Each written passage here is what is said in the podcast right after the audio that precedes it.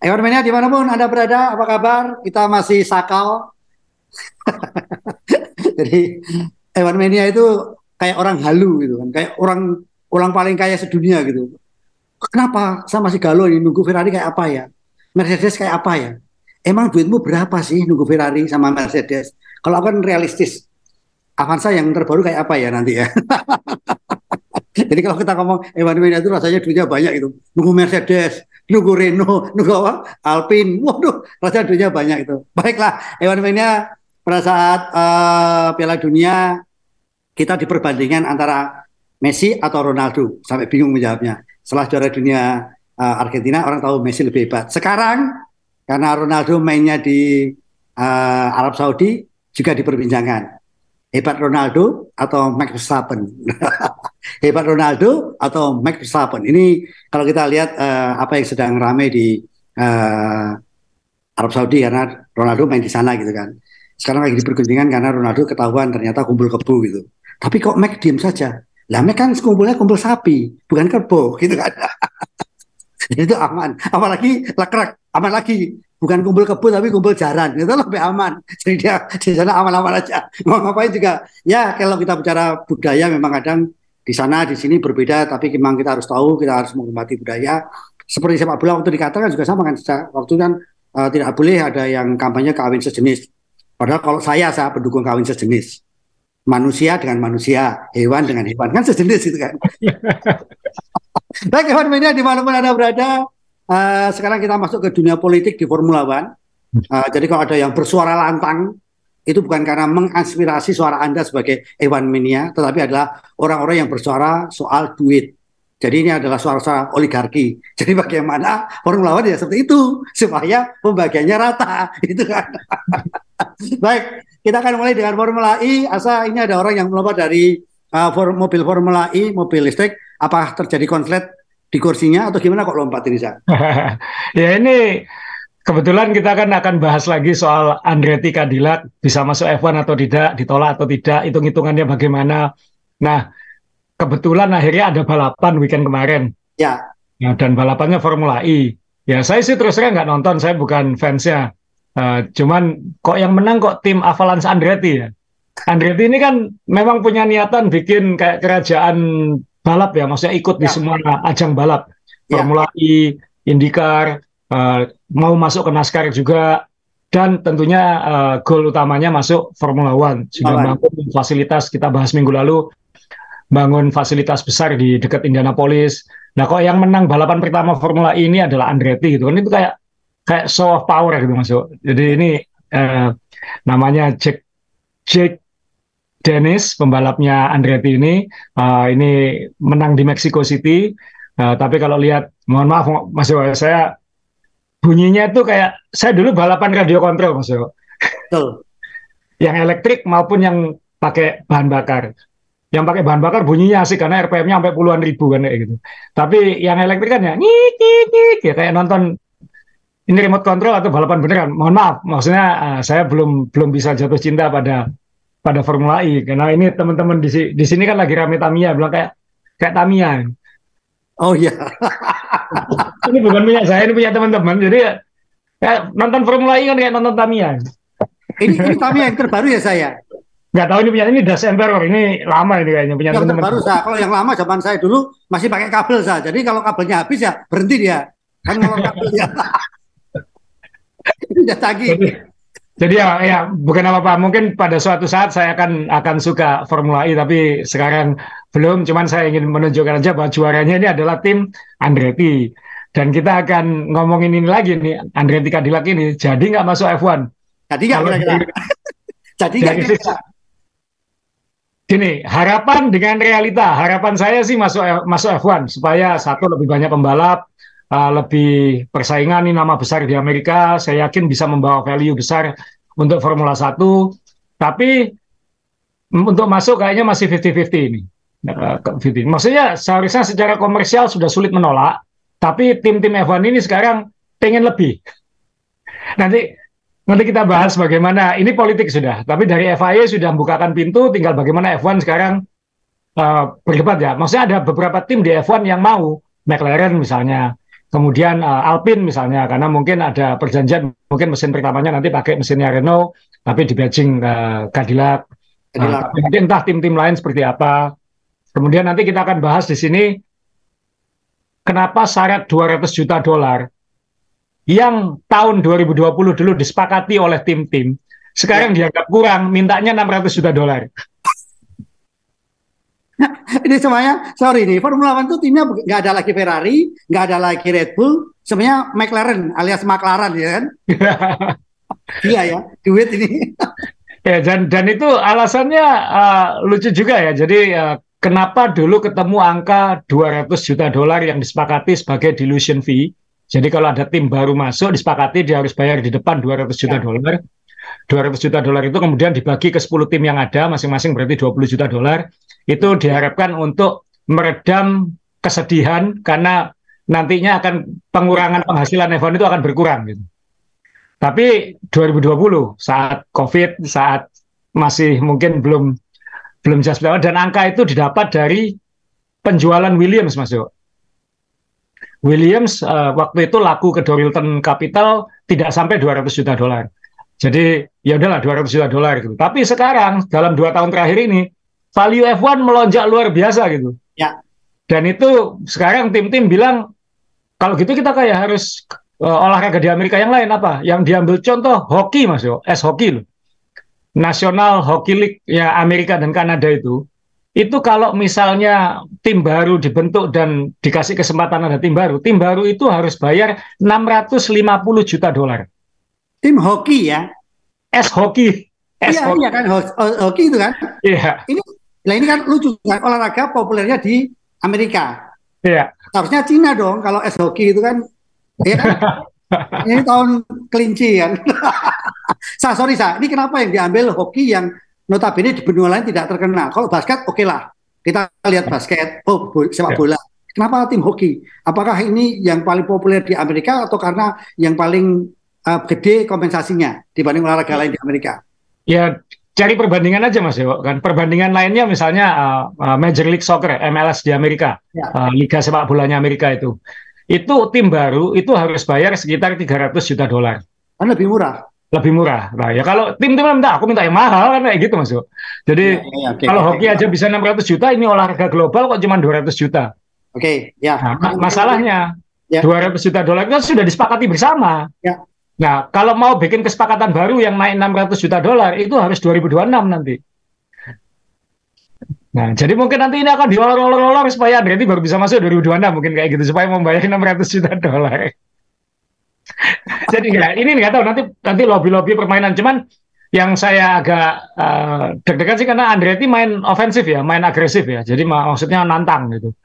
Uh, dia nggak nggak nggak diam-diam nggak apa-apa dia nantang secara publik dan memang kalau saya tangkap sih uh, kayaknya popularitas orang ingin ada tim baru cuman kan ini ini bukan pemilihan publik ini kan ya. ini kan uh, kelompok sekelompok pemilik klub gitu ya. nah, ini yang harus harus rame dan dari situ kan muncul pertanyaan kenapa ya kok mereka nggak mau berbagi gitu kenapa kok nggak nggak mau uh, semudah itu Andretti masuk atau masih kurang mahal lagi ternyata kayak gitu. Dan ini akan dicari cara Andretti dan FIA akan cari cara supaya ini bisa masuk. F1 tim-tim akan cari cara supaya ini nggak masuk kayak gitu. Nah nggak tahu nanti celahnya celahnya di mana gitu. Kan ujung-ujungnya hitung-hitungan duit kan Sobat. Jadi saya nyoba cari data berapa sih pemasukan F1 dalam setahun sekarang kan saya sudah lama juga nggak nggak ngitung Uh, memang angka 2002 belum 2022 belum ada karena kan belum tutup buku tanda kutip. Uh, tapi data yang 2021 sudah ada, uh, sudah tersebar dan ini saya tunjukkan saja. Jadi pemasukan F1 tahun 2021 itu 2,126 miliar dolar atau 32 triliun rupiah. Uh. Ya, 30 triliun, ya, 32 triliun. 32 triliun Isa. Ini sama dengan APBD di mana ini?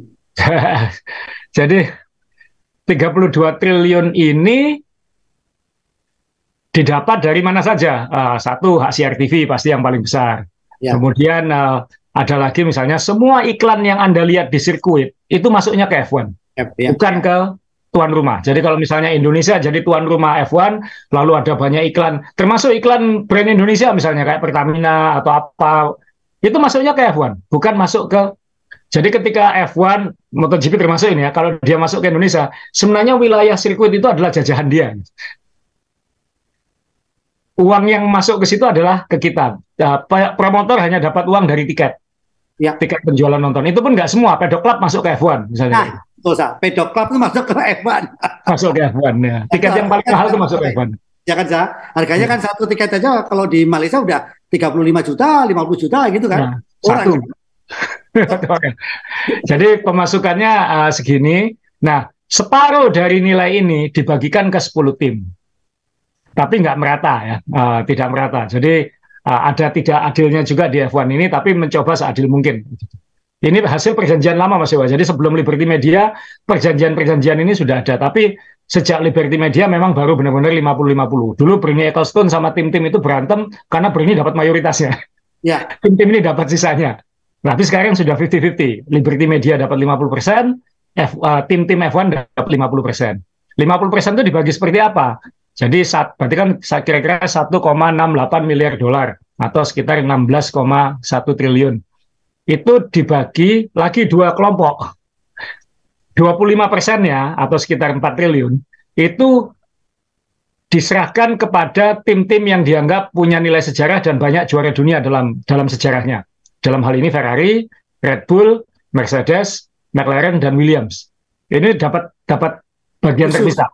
Ya. Ferrari dapat dua porsi Mas Yo, karena dia ada nilai uh, nilai khusus karena ya. sebagai tim yang sejak awal sudah ikut kayak gitu. Jadi satu Ferrari dapat dulu dikit, kemudian Ferrari dapat lagi Red Bull, Mercedes, McLaren, Williams. Ini nilainya paling banyak ya kira-kira ya Ferrari, Red Bull, McLaren, eh Mercedes, baru McLaren dan Williams dapat yang paling sedikit kira-kira kayak gitu. Jadi dari sini aja sudah sisa 75 persen. 75 persennya itu baru dibagi menjadi hadiah sesuai urutan konstruktor. Kenapa dalam balapan kita selalu ngomong konstruktor itu lebih penting daripada pembalap? Kenapa? Duitnya di situ. Duitnya kenapa, di kenapa, kenapa Sumi apa uh, uh, Mick Schumacher juga ketendang ya karena ini ya? Ya ini juga karena hadiah uangnya. Uangnya udah ngancurin mobil, nggak dapat uang itu kan? Iya. Dan kenapa kemarin penting sekali bagi Alfa Romeo walaupun poinnya map uh, sama atau apa itu tapi dia peringkatnya lebih tinggi, dia dapatnya lebih gitu. Nah, 12 triliun ini baginya bagaimana? Ini price fund kan 75% itu kira-kira 12 triliun. Itu dibaginya adalah juara kira-kira dapat 14 persen atau dalam hal ini 1,6 triliun 100,5 juta dolar. Oh lumayan 100 juta dolar itu budgetnya Hasmo sih mungkin kayak gitu. Iya. Makanya sama pakai tas ini. Iya. Terus kemudian juri kunci, nah, berarti Williams kan kemarin, ya. Williams dapat kira-kira 46 juta dolar atau sekitar 700 miliar. Jadi juri kunci aja dapat duit gitu. Makanya ketika Alfa Romeo bisa naik peringkat, oh dia aku, aku bisa dapat sekian juta dolar, sekian juta dolar lagi bisa aku gunakan untuk upgrade. Jadi semakin tinggi peringkatnya, semakin besar peluangnya dia untuk upgrade. Dan yang lebih penting lagi, ada cost cap sekarang 135 juta. Kan turun terus sampai 135 nantinya, ya. sekitar 140 lah sekarang. Nah, kalau juara aja udah dapat 100 juta, sedangkan cost cap-nya tuh 140 juta, kan enak sekali Mas Yo. Duduk manis. Duduk manis ya. Iya, Misalnya iya. kita tahu lah nilai sponsornya Ferrari berapa, nilai sponsornya uh, nggak usah Ferrari lah, Mercedes atau McLaren berapa. Ini kan jaminan untung punya tim F1 itu. Gila, nah ya, ini kan ini esensi dari industri olahraga, Mas Klub atau tim atau pelakunya itu kan harus mendapatkan keuntungan di situ karena dari situ baru bisa tumbuh, baru bisa berkembang. Kalau rugi-rugi terus ya ganti-ganti terus nggak pernah berkembang kayak gitu. Nah ini ini yang harus disadari di semua olahraga bahwa semua hitungannya adalah cari untung, karena kalau untung itu bisa berkembang. Nah ini pertanyaan saya. Oh, jadi tadi juru kunci aja dapat duit. Kok jadi saya kasihan saudara-saudara saya di desa. Jangan ngomong Liga Satu Mas Joko.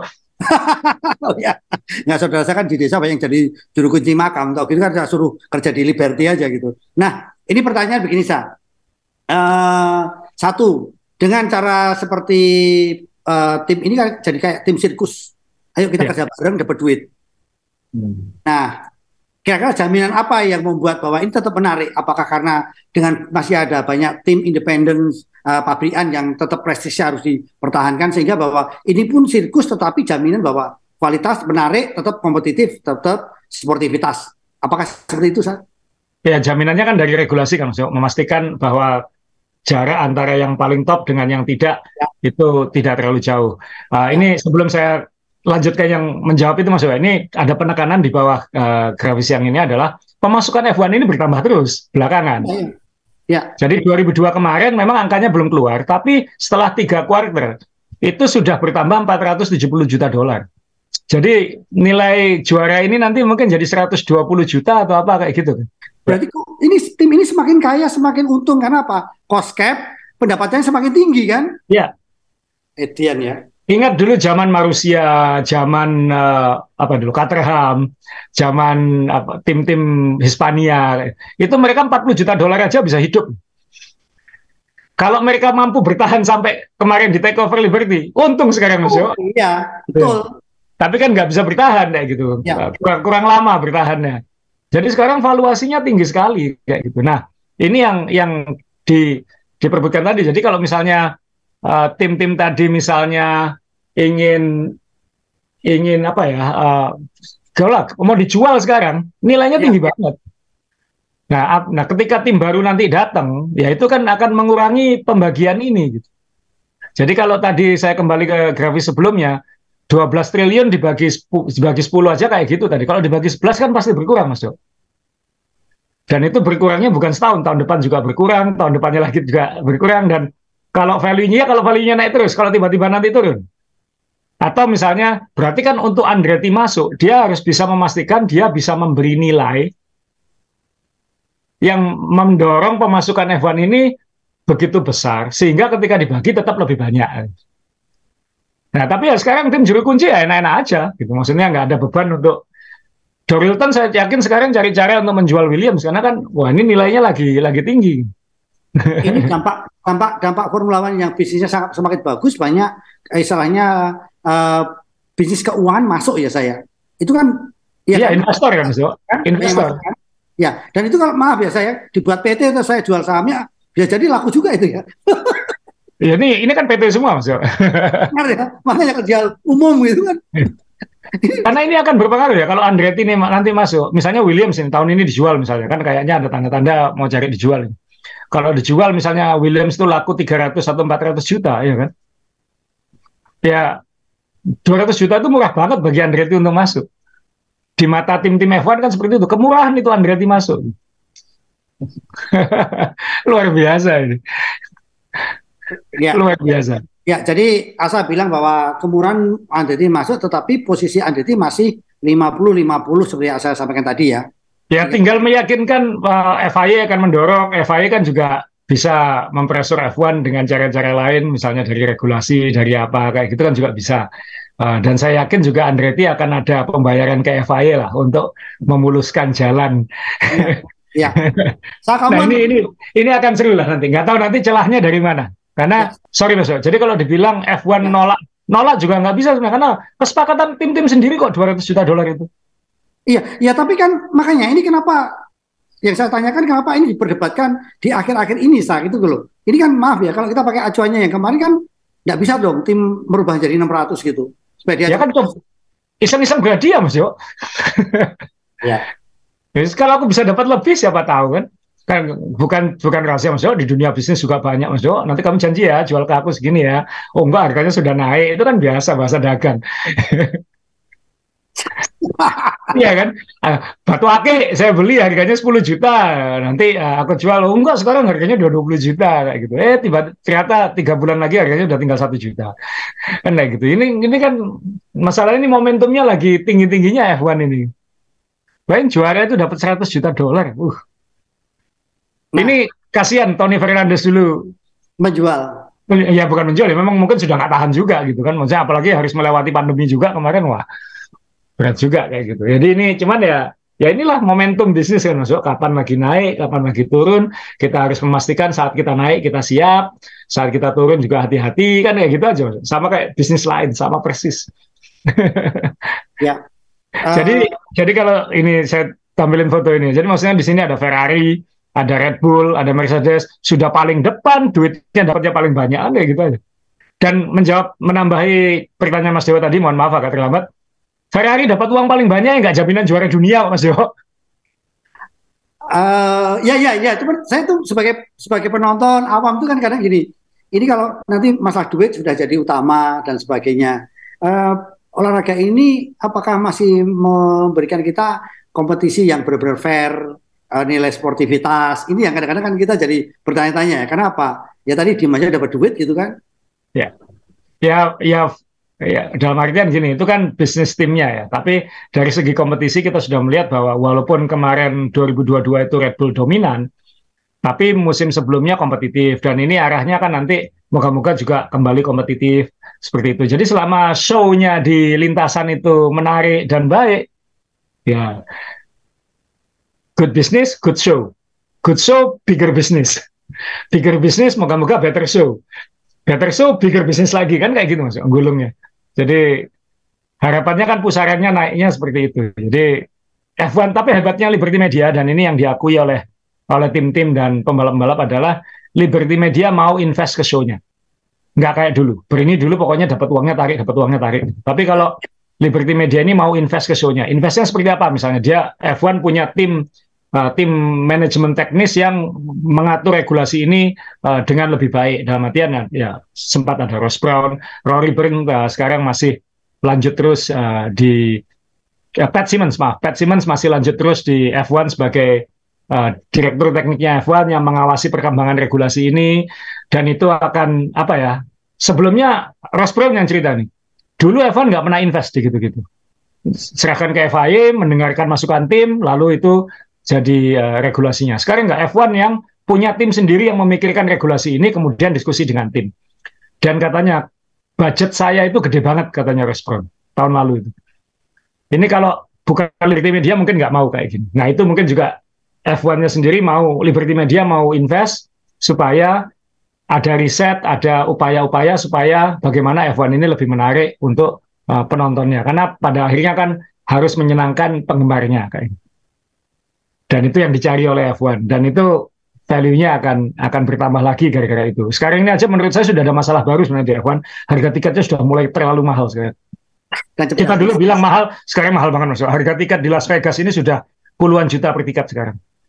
Dan itu uh, sudah nggak masuk akal. Dan itu laris. Ya. Nah ini kan pada suatu titik nanti akan ada masalah baru. Bagaimana F1 ini jangan terlalu jangan terlalu mahal juga gitu. Itu ya. itu apa itu masalah lain lagi. Sekarang F1 tidak punya masalah mendatangkan pemasukan intinya kayak gitu. Uh, dan pemasaran utamanya tetap hasil TV. Uh, cuma nanti mungkin teman-teman yang punya informasi nanti nontonnya di mana karena kabarnya video.com nggak melanjutkan ini. Uh, tayangan F1 jadi mungkin kita nggak tahu nonton F1 di mana tapi saya sih berasumsi gini aja kalau di Indonesia tidak ada provider atau televisi yang menayangkan itu berarti nanti F1 TV akan dibuka untuk Indonesia kan kayak gitu Mas Berarti kan kan semua sekarang pakai aplikasi. Saya tadi sebelum podcast ini nonton NBA dulu pakai aplikasi, nonton playoff NFL pakai aplikasi juga. Nah, berarti nanti kalau memang di Indonesia tidak ada yang ngambil ya terburunya nanti saya yakin F1 TV akan buka untuk Indonesia. Tapi ya kita tunggu update-nya, mungkin teman-teman ada ada update soal itu. Jadi ya itulah F1 masuk. Maksudnya Jadi ya kita tunggu sekarang uh, lobby apa lagi atau upaya apa lagi yang dilakukan Andretti untuk bisa masuk masuk ke F1 karena uh, ya ini masa kalah sama hoki nilainya katanya kayak gitu. Makanya ini kan yang saya shock, makanya kan saya sering motong asa tadi waktu ngobrol karena apa? Ya ini yang saya, yang saya takutkan ini, F1 itu sekarang mahal. Bayangkan kalau kita ke Las Vegas tadi Asa bilang puluhan juta tiketnya nonton, belum tiketnya ke sana, belum hotelnya jujur ya kalau Malaysia ada ada dengan 25 35 sudah pedok village atau pedok clubnya yang mahal pun segitu kan pulang tas punggung anda yang kosong bisa diisi kaleng bir dengan sekalian esnya es batunya ya kan bayangin seperti itu ini ini ini ini gila menurut saya Formula makanya saya uh, tanya Asa sa bagaimana bisnis ini nanti merusak sportivitas uh, merusak persaingan sehingga sudah nggak menarik lagi Formula One ternyata saya baru nah ternyata dasarnya adalah peraturan yang sangat baik. Itu regulasinya dari, bagus mas. Ini uh, Formula One sekarang regulasinya jauh lebih baik dari sebelumnya lah. Uh, dalam artian sekarang ada badan regulasi. Kalau dulu kan ya tim-tim sendiri yang bikin regulasi, makanya tarik-tarikan terus ya. seperti itu. Nah ini kan lebih, misalnya kalau kalau misalnya tidak ada badan yang dipimpin Brown itu mungkin nggak ada aturan ground effect seperti sekarang ini kan. Ini kan luar biasa ini. Nah minimal uh, F1 itu punya arah gitu kan. Misalnya dulu sekal, tidak ada yang bisa menjelaskan kenapa bunyinya nggak menarik. Sekarang kan bahwa bunyi nggak penting katanya. itu kan jadi ada tim marketing yang lebih modern, ada tim komunikasi yang lebih modern, lebih terbuka secara media sosial. Uh, mana lah F1 F1 sudah tiba-tiba buka diri des gitu. Dan sekarang mungkin sudah nggak perlu Netflix lagi. Gitu. Saya saya sudah nggak tertarik nonton Netflix ya sih. Jadi saya kira F1-nya sendiri orang sudah kenal F1 sehingga tidak perlu Netflix untuk untuk tahu bahwa F1 itu menarik. Ya. Gampang saja Mas Dewa, sekarang situs-situs berita olahraga di Amerika kayak ESPN gitu. Sekarang di menu utamanya sudah ada F1. Uh. Jadi dulu NASCAR aja yang luar biasa populer di Amerika belum tentu muncul. Sekarang sudah muncul F1 dan itu akan menarik olahraga balap lain akan akan naik.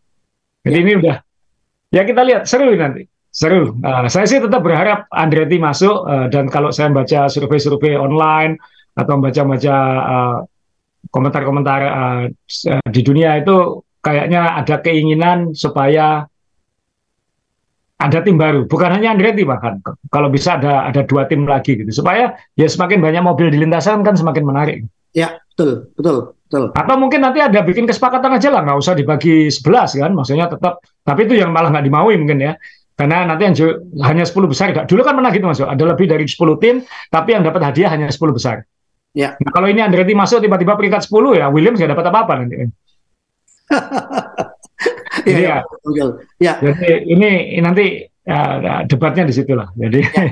Jadi kalau dari Asa tadi bilang Andretti ini teman-teman sudah nggak ada masalah duit nggak ada masalah mau masuk tinggal masuk ini seperti itu teknis dan sebagainya sudah tinggal masuk yang tapi kondisinya saat ini kalau saya uh, re, uh, uh, review dari omongannya Asa tadi bahwa masih 50 50 50-50. Nah, cuman berarti kalau begitu ada itu punya duit tapi nggak punya pulsa kalau 50-50 karena kalau punya pulsa pasti dia akan punya friend, pasti masuk itu kan.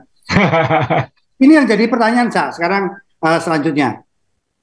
Dengan banyak tim kalau asal idealnya 12. Ini kan sebenarnya cukup menarik karena memang mobil mogok itu kan juga kendala bagi mobil tercepat. Kalau jadi backmaker, mengganggu, kemudian juga ada kemungkinan safety car keluar gitu kan sa.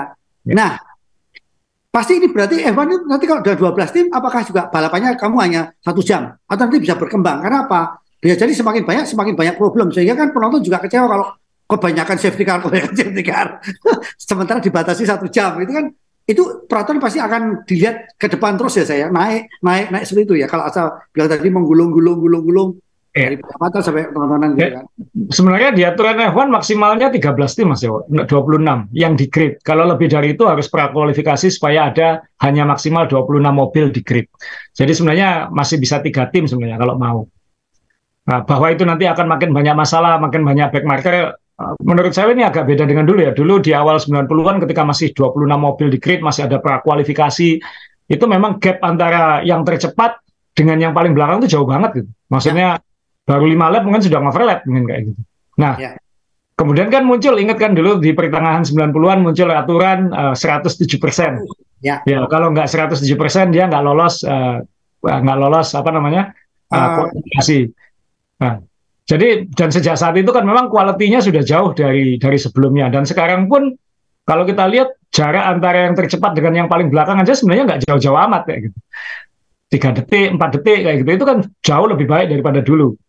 Nah, saya yakin dengan standar ini tim-tim baru nanti pun juga tidak akan sejauh-jauh amat juga gitu.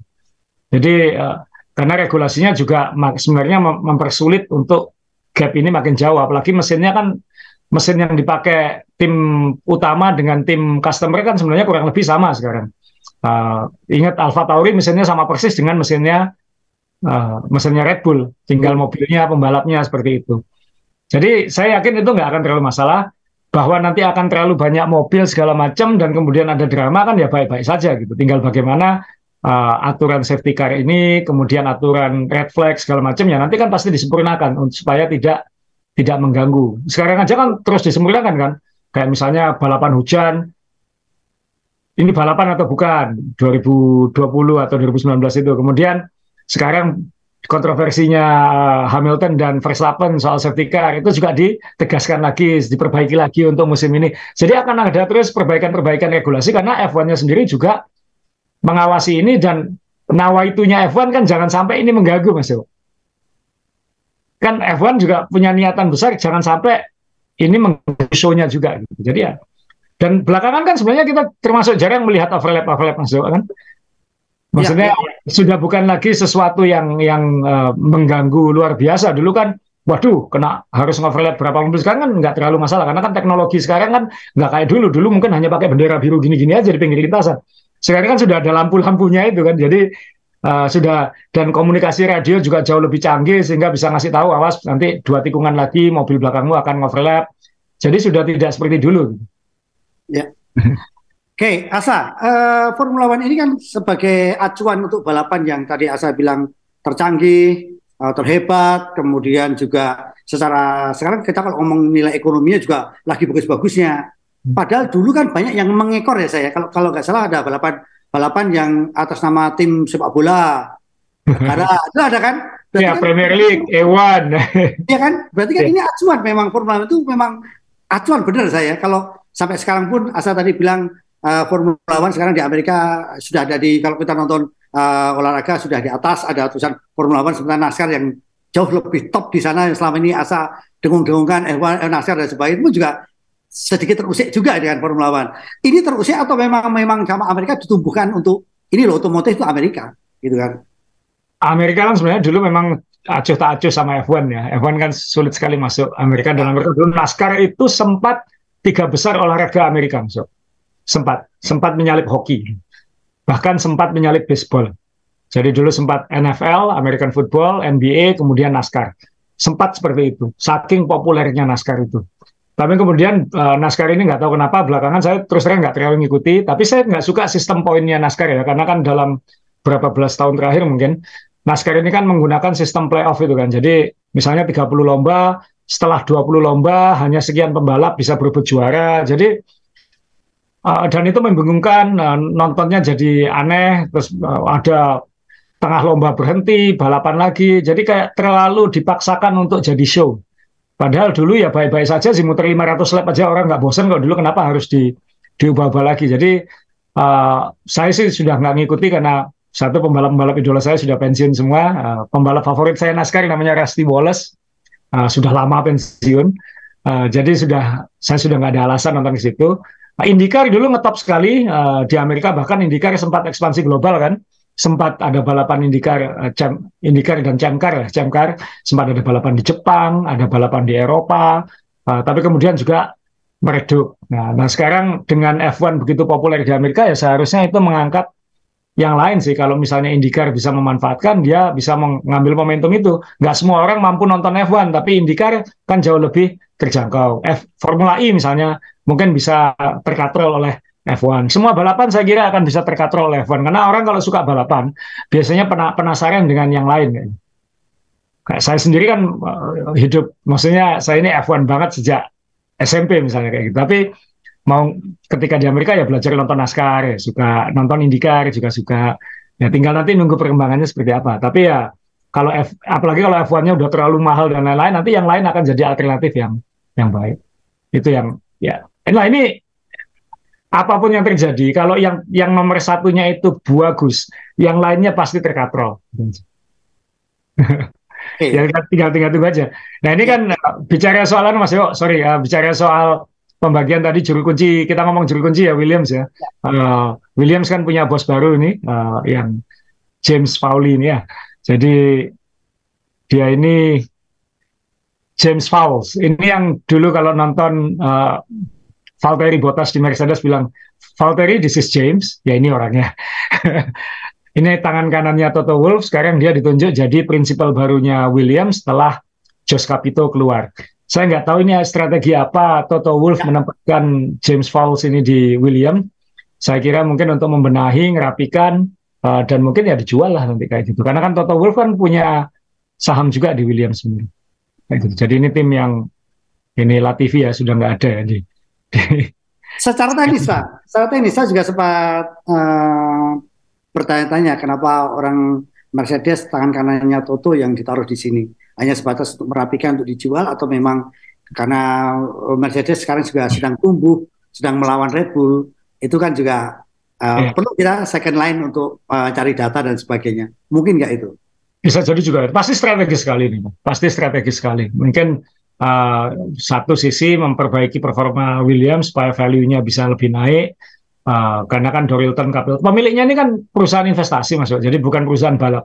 Jadi tujuannya Dorilton Capital kan pasti ya aku kemarin beli hampir 200 juta dolar ya. Kalau bisa tak jual 400 juta dolar kan kayak gitu mas ya ya betul. Jadi uh, pasti tujuannya supaya ini uh, misalnya merapikan strukturnya segala macam supaya lebih atraktif untuk investor untuk dijual. Mungkin itu juga uh, di sisi lain juga mungkin bisa strategi uh, partner strategis untuk Mercedes uh, termasuk dalam hal politik misalnya menolak Andretti kan ada ada temen ya. gitu. Jadi pasti ini ini politis ini. Kenapa kok ditaruh di situ? Jadi tinggal kita lihat aja nanti uh, perkembangannya seperti apa. Karena kan mungkin tidak banyak yang punya harapan tinggi ke Williams sekarang. Apakah dia nggak? Saya kira akan sulit bagi Williams untuk ngejar yang di atas atasnya kayak gitu. Iya. Jadi teman-teman ini kalau Anda memang mau nyebur di bidang politik, rasanya Formula One ini cocok kalau Anda mau belajar bagaimana uh, money politik itu gimana caranya ya tadi uh, Cadillac dan apa Andeti sudah bagi-bagi pun masih dinaikkan lagi ini kita nggak tahu jadi kalau rasanya Formula One itu juga dari dulu memang tarik-tarikan soal soal politik saya kalau kita lihat juga dan ternyata baru kita sadari sekarang ini ya ujung-ujungnya uang seperti Asa tadi bilang. Ini uang gitu. Yeah. Nah uh, ini mungkin untuk anu mungkin untuk gambaran aja di uh, gambaran asa aja untuk mobil-mobil yang akan datang di sini. Karena kalau secara ekonomi mereka sudah dapat bansos dari via tetapi dari nah, F1 maksud dari F1 ya. Tapi sekarang ini uh, yang kita lihat sponsor ini apakah juga masih sangat dominan sekali? Dan nilainya kalau asa pernah dengar uh, karena kan tidak merata sekali kayak Ferrari ini juga kehilangan Marlboro yang sudah berpuluh-puluh tahun nempel dan hilang itu kan saya lihat juga sekarang kita baru paham oh ternyata sudah dapat bagian dari uh, Formula One, oh masih dapat lagi karena nilai warisan sejarahnya dan sebagainya. Nah, kalau tim-tim kecil ini apakah memang harus harus mengandalkan uh, sponsor supaya bisa berkembang atau kalau asal melihat tadi William aja dapatnya segitu itu? Ya, kalau Red Bull itu pasti ini maaf, ini Red Bull di kanan itu pasti dia anggaran marketingnya Red Bull jualan minuman itu kan ya. uh, secara global akan lebih murah ditaruh di di tim F1 daripada pasang iklan di mana-mana. Jadi dia pasti ada nilai baliknya dari situ. Jadi uh, anggaran marketing itu digunakan untuk budget F1. Di samping dia dapat sponsor yang lain juga kan, seperti ada uh, Bybit segala macam yang nilainya juga puluhan juta dolar per tahun kayak gitu. Kalau ada sponsor lain-lainnya kalau dikumpulkan mungkin juga puluhan juta dolar setahun. Ferrari ini dulu begitu ditinggal begitu ada larangan uh, iklan rokok yang dilakukan adalah Philip Morris tetap membayari kamu untuk badanmu ini semua, tapi aku yang jualan badanmu. Jadi misalnya waktu itu sempat logo-logo misalnya kayak logo Shell, logo-logo yang lain ini masuknya ke Philip Morris. Jadi Philip Morrisnya sponsor garis miring agency kayak gitu. Oh, segitunya ya. Jadi nah, kayak jadi, kita kan orang kita kan udah saat tebas saya beli semuanya, udah ya. aku yang yang jual lagi covernya, gitu ya. kan? Ya, jadi couplingnya saya beli kayak gitu. Tapi saya saya lupa apakah ini sudah berakhir atau belum. Tapi yang jelas ya siapa nggak pengen pasang iklan di di Ferrari, maksudnya bayar 20-30 juta dolar di situ itu kan lebih murah daripada pasang billboard di seluruh dunia mungkin kayak gitu. Jadi uh, karena penontonnya global segala macam, jadi pasti ada hitung-hitungan seperti itu. Jadi tim-tim besar nggak akan punya masalah. Sudah dapatnya lebih banyak dari F1, jualannya juga lebih gampang. Nah, tim kayak Williams ini yang memang agak sulit sekarang gitu. Kan siapa yang mau diasosiasikan dengan tim juru kunci? Ya kan? Kami bangga mensponsori tim juru kunci, kan tidak ada maksud. Nah, ini yang uh, berarti kan uh, investornya berarti dalam hal ini uh, Dorilton Capital kan harus nginjek terus gitu. Ya. Dan dia belinya 200 juta dolar, lalu tiap tahun dia ngeluarin 50 juta dolar supaya ini jalan. Berarti kalau udah dihitung tiga tahun 150 juta dolar, kita di atas 200 juta dia sudah keluar 350 juta. Berarti harus saya jual 500 juta dolar. Kan kayak gitu. Nah, ini kan ya tinggal bagaimana uh, dia menghitungnya aja. Makanya mau nggak mau kan kadang-kadang ada pay driver kan. Kan pay driver itu bawa minimal 5 juta dolar, 10 juta dolar kan lumayan Mas yo untuk tambahan operasional segala macam. Makanya tim kayak Has kan ketika mobilnya rusak-rusak terus pusing juga dia gitu. Karena kan itu kan biaya gitu. Betul, betul, betul. Kan nggak kayak kita nabrak ada asuransi kan F1 nggak ada gitu. Ya, dan saya pikir juga Formula One sudah kaya-kaya. Kalau zaman saya nonton, saya dulu pasti beli Sauber itu kan ada sponsornya kredit kredit Swiss ya kalau nggak salah. Itu kan ya. selalu di di belakang. Sauber. Sauber ya kan. Jadi saya berpikir, oh ya ini mobil ini memang nggak punya duit sehingga ini ada kredit gitu kan dari bank Swiss gitu kan. Sekarang nggak ada kayak gitu. Ya. ada. Tapi udah lunas semua sekarang Mas uh, Asa, ini bocoran aja. Ada tambah lagi untuk obrolan kita. Kalau tidak saya mau minta bocoran bocoran-bocoran karena sekarang jadwalnya tim mau launching kan sudah ya. semakin lengkap, semakin lengkap, semakin lengkap. Nah ini apa yang harus kita siapkan uh, untuk menyambut kedatangan mobil baru jadi ini kalau kita lihat jadwal yang sudah muncul ya, uh, ini agak hati-hati ya terkecoh. Kita belajar dari musim lalu, mobil yang di launching bukan mobil yang turun di lintasan. Jadi uh, dan kebanyakan tim akan launching secara digital. Jadi itu renderan, bukan mobilnya. Ya. Jadi itu gambar, animasi, CGI. Uh, dan itu bisa sangat mengecoh, sangat-sangat mengecoh. Apalagi ini kita semua penasaran filosofi desain siapa yang akan populer? Apakah semua akan mirip Red Bull? Apakah Ferrari juga akan terseret ke sana? Apakah Mercedes tetap pakai zero pot atau Mercedes akhirnya jadi kayak Red Bull?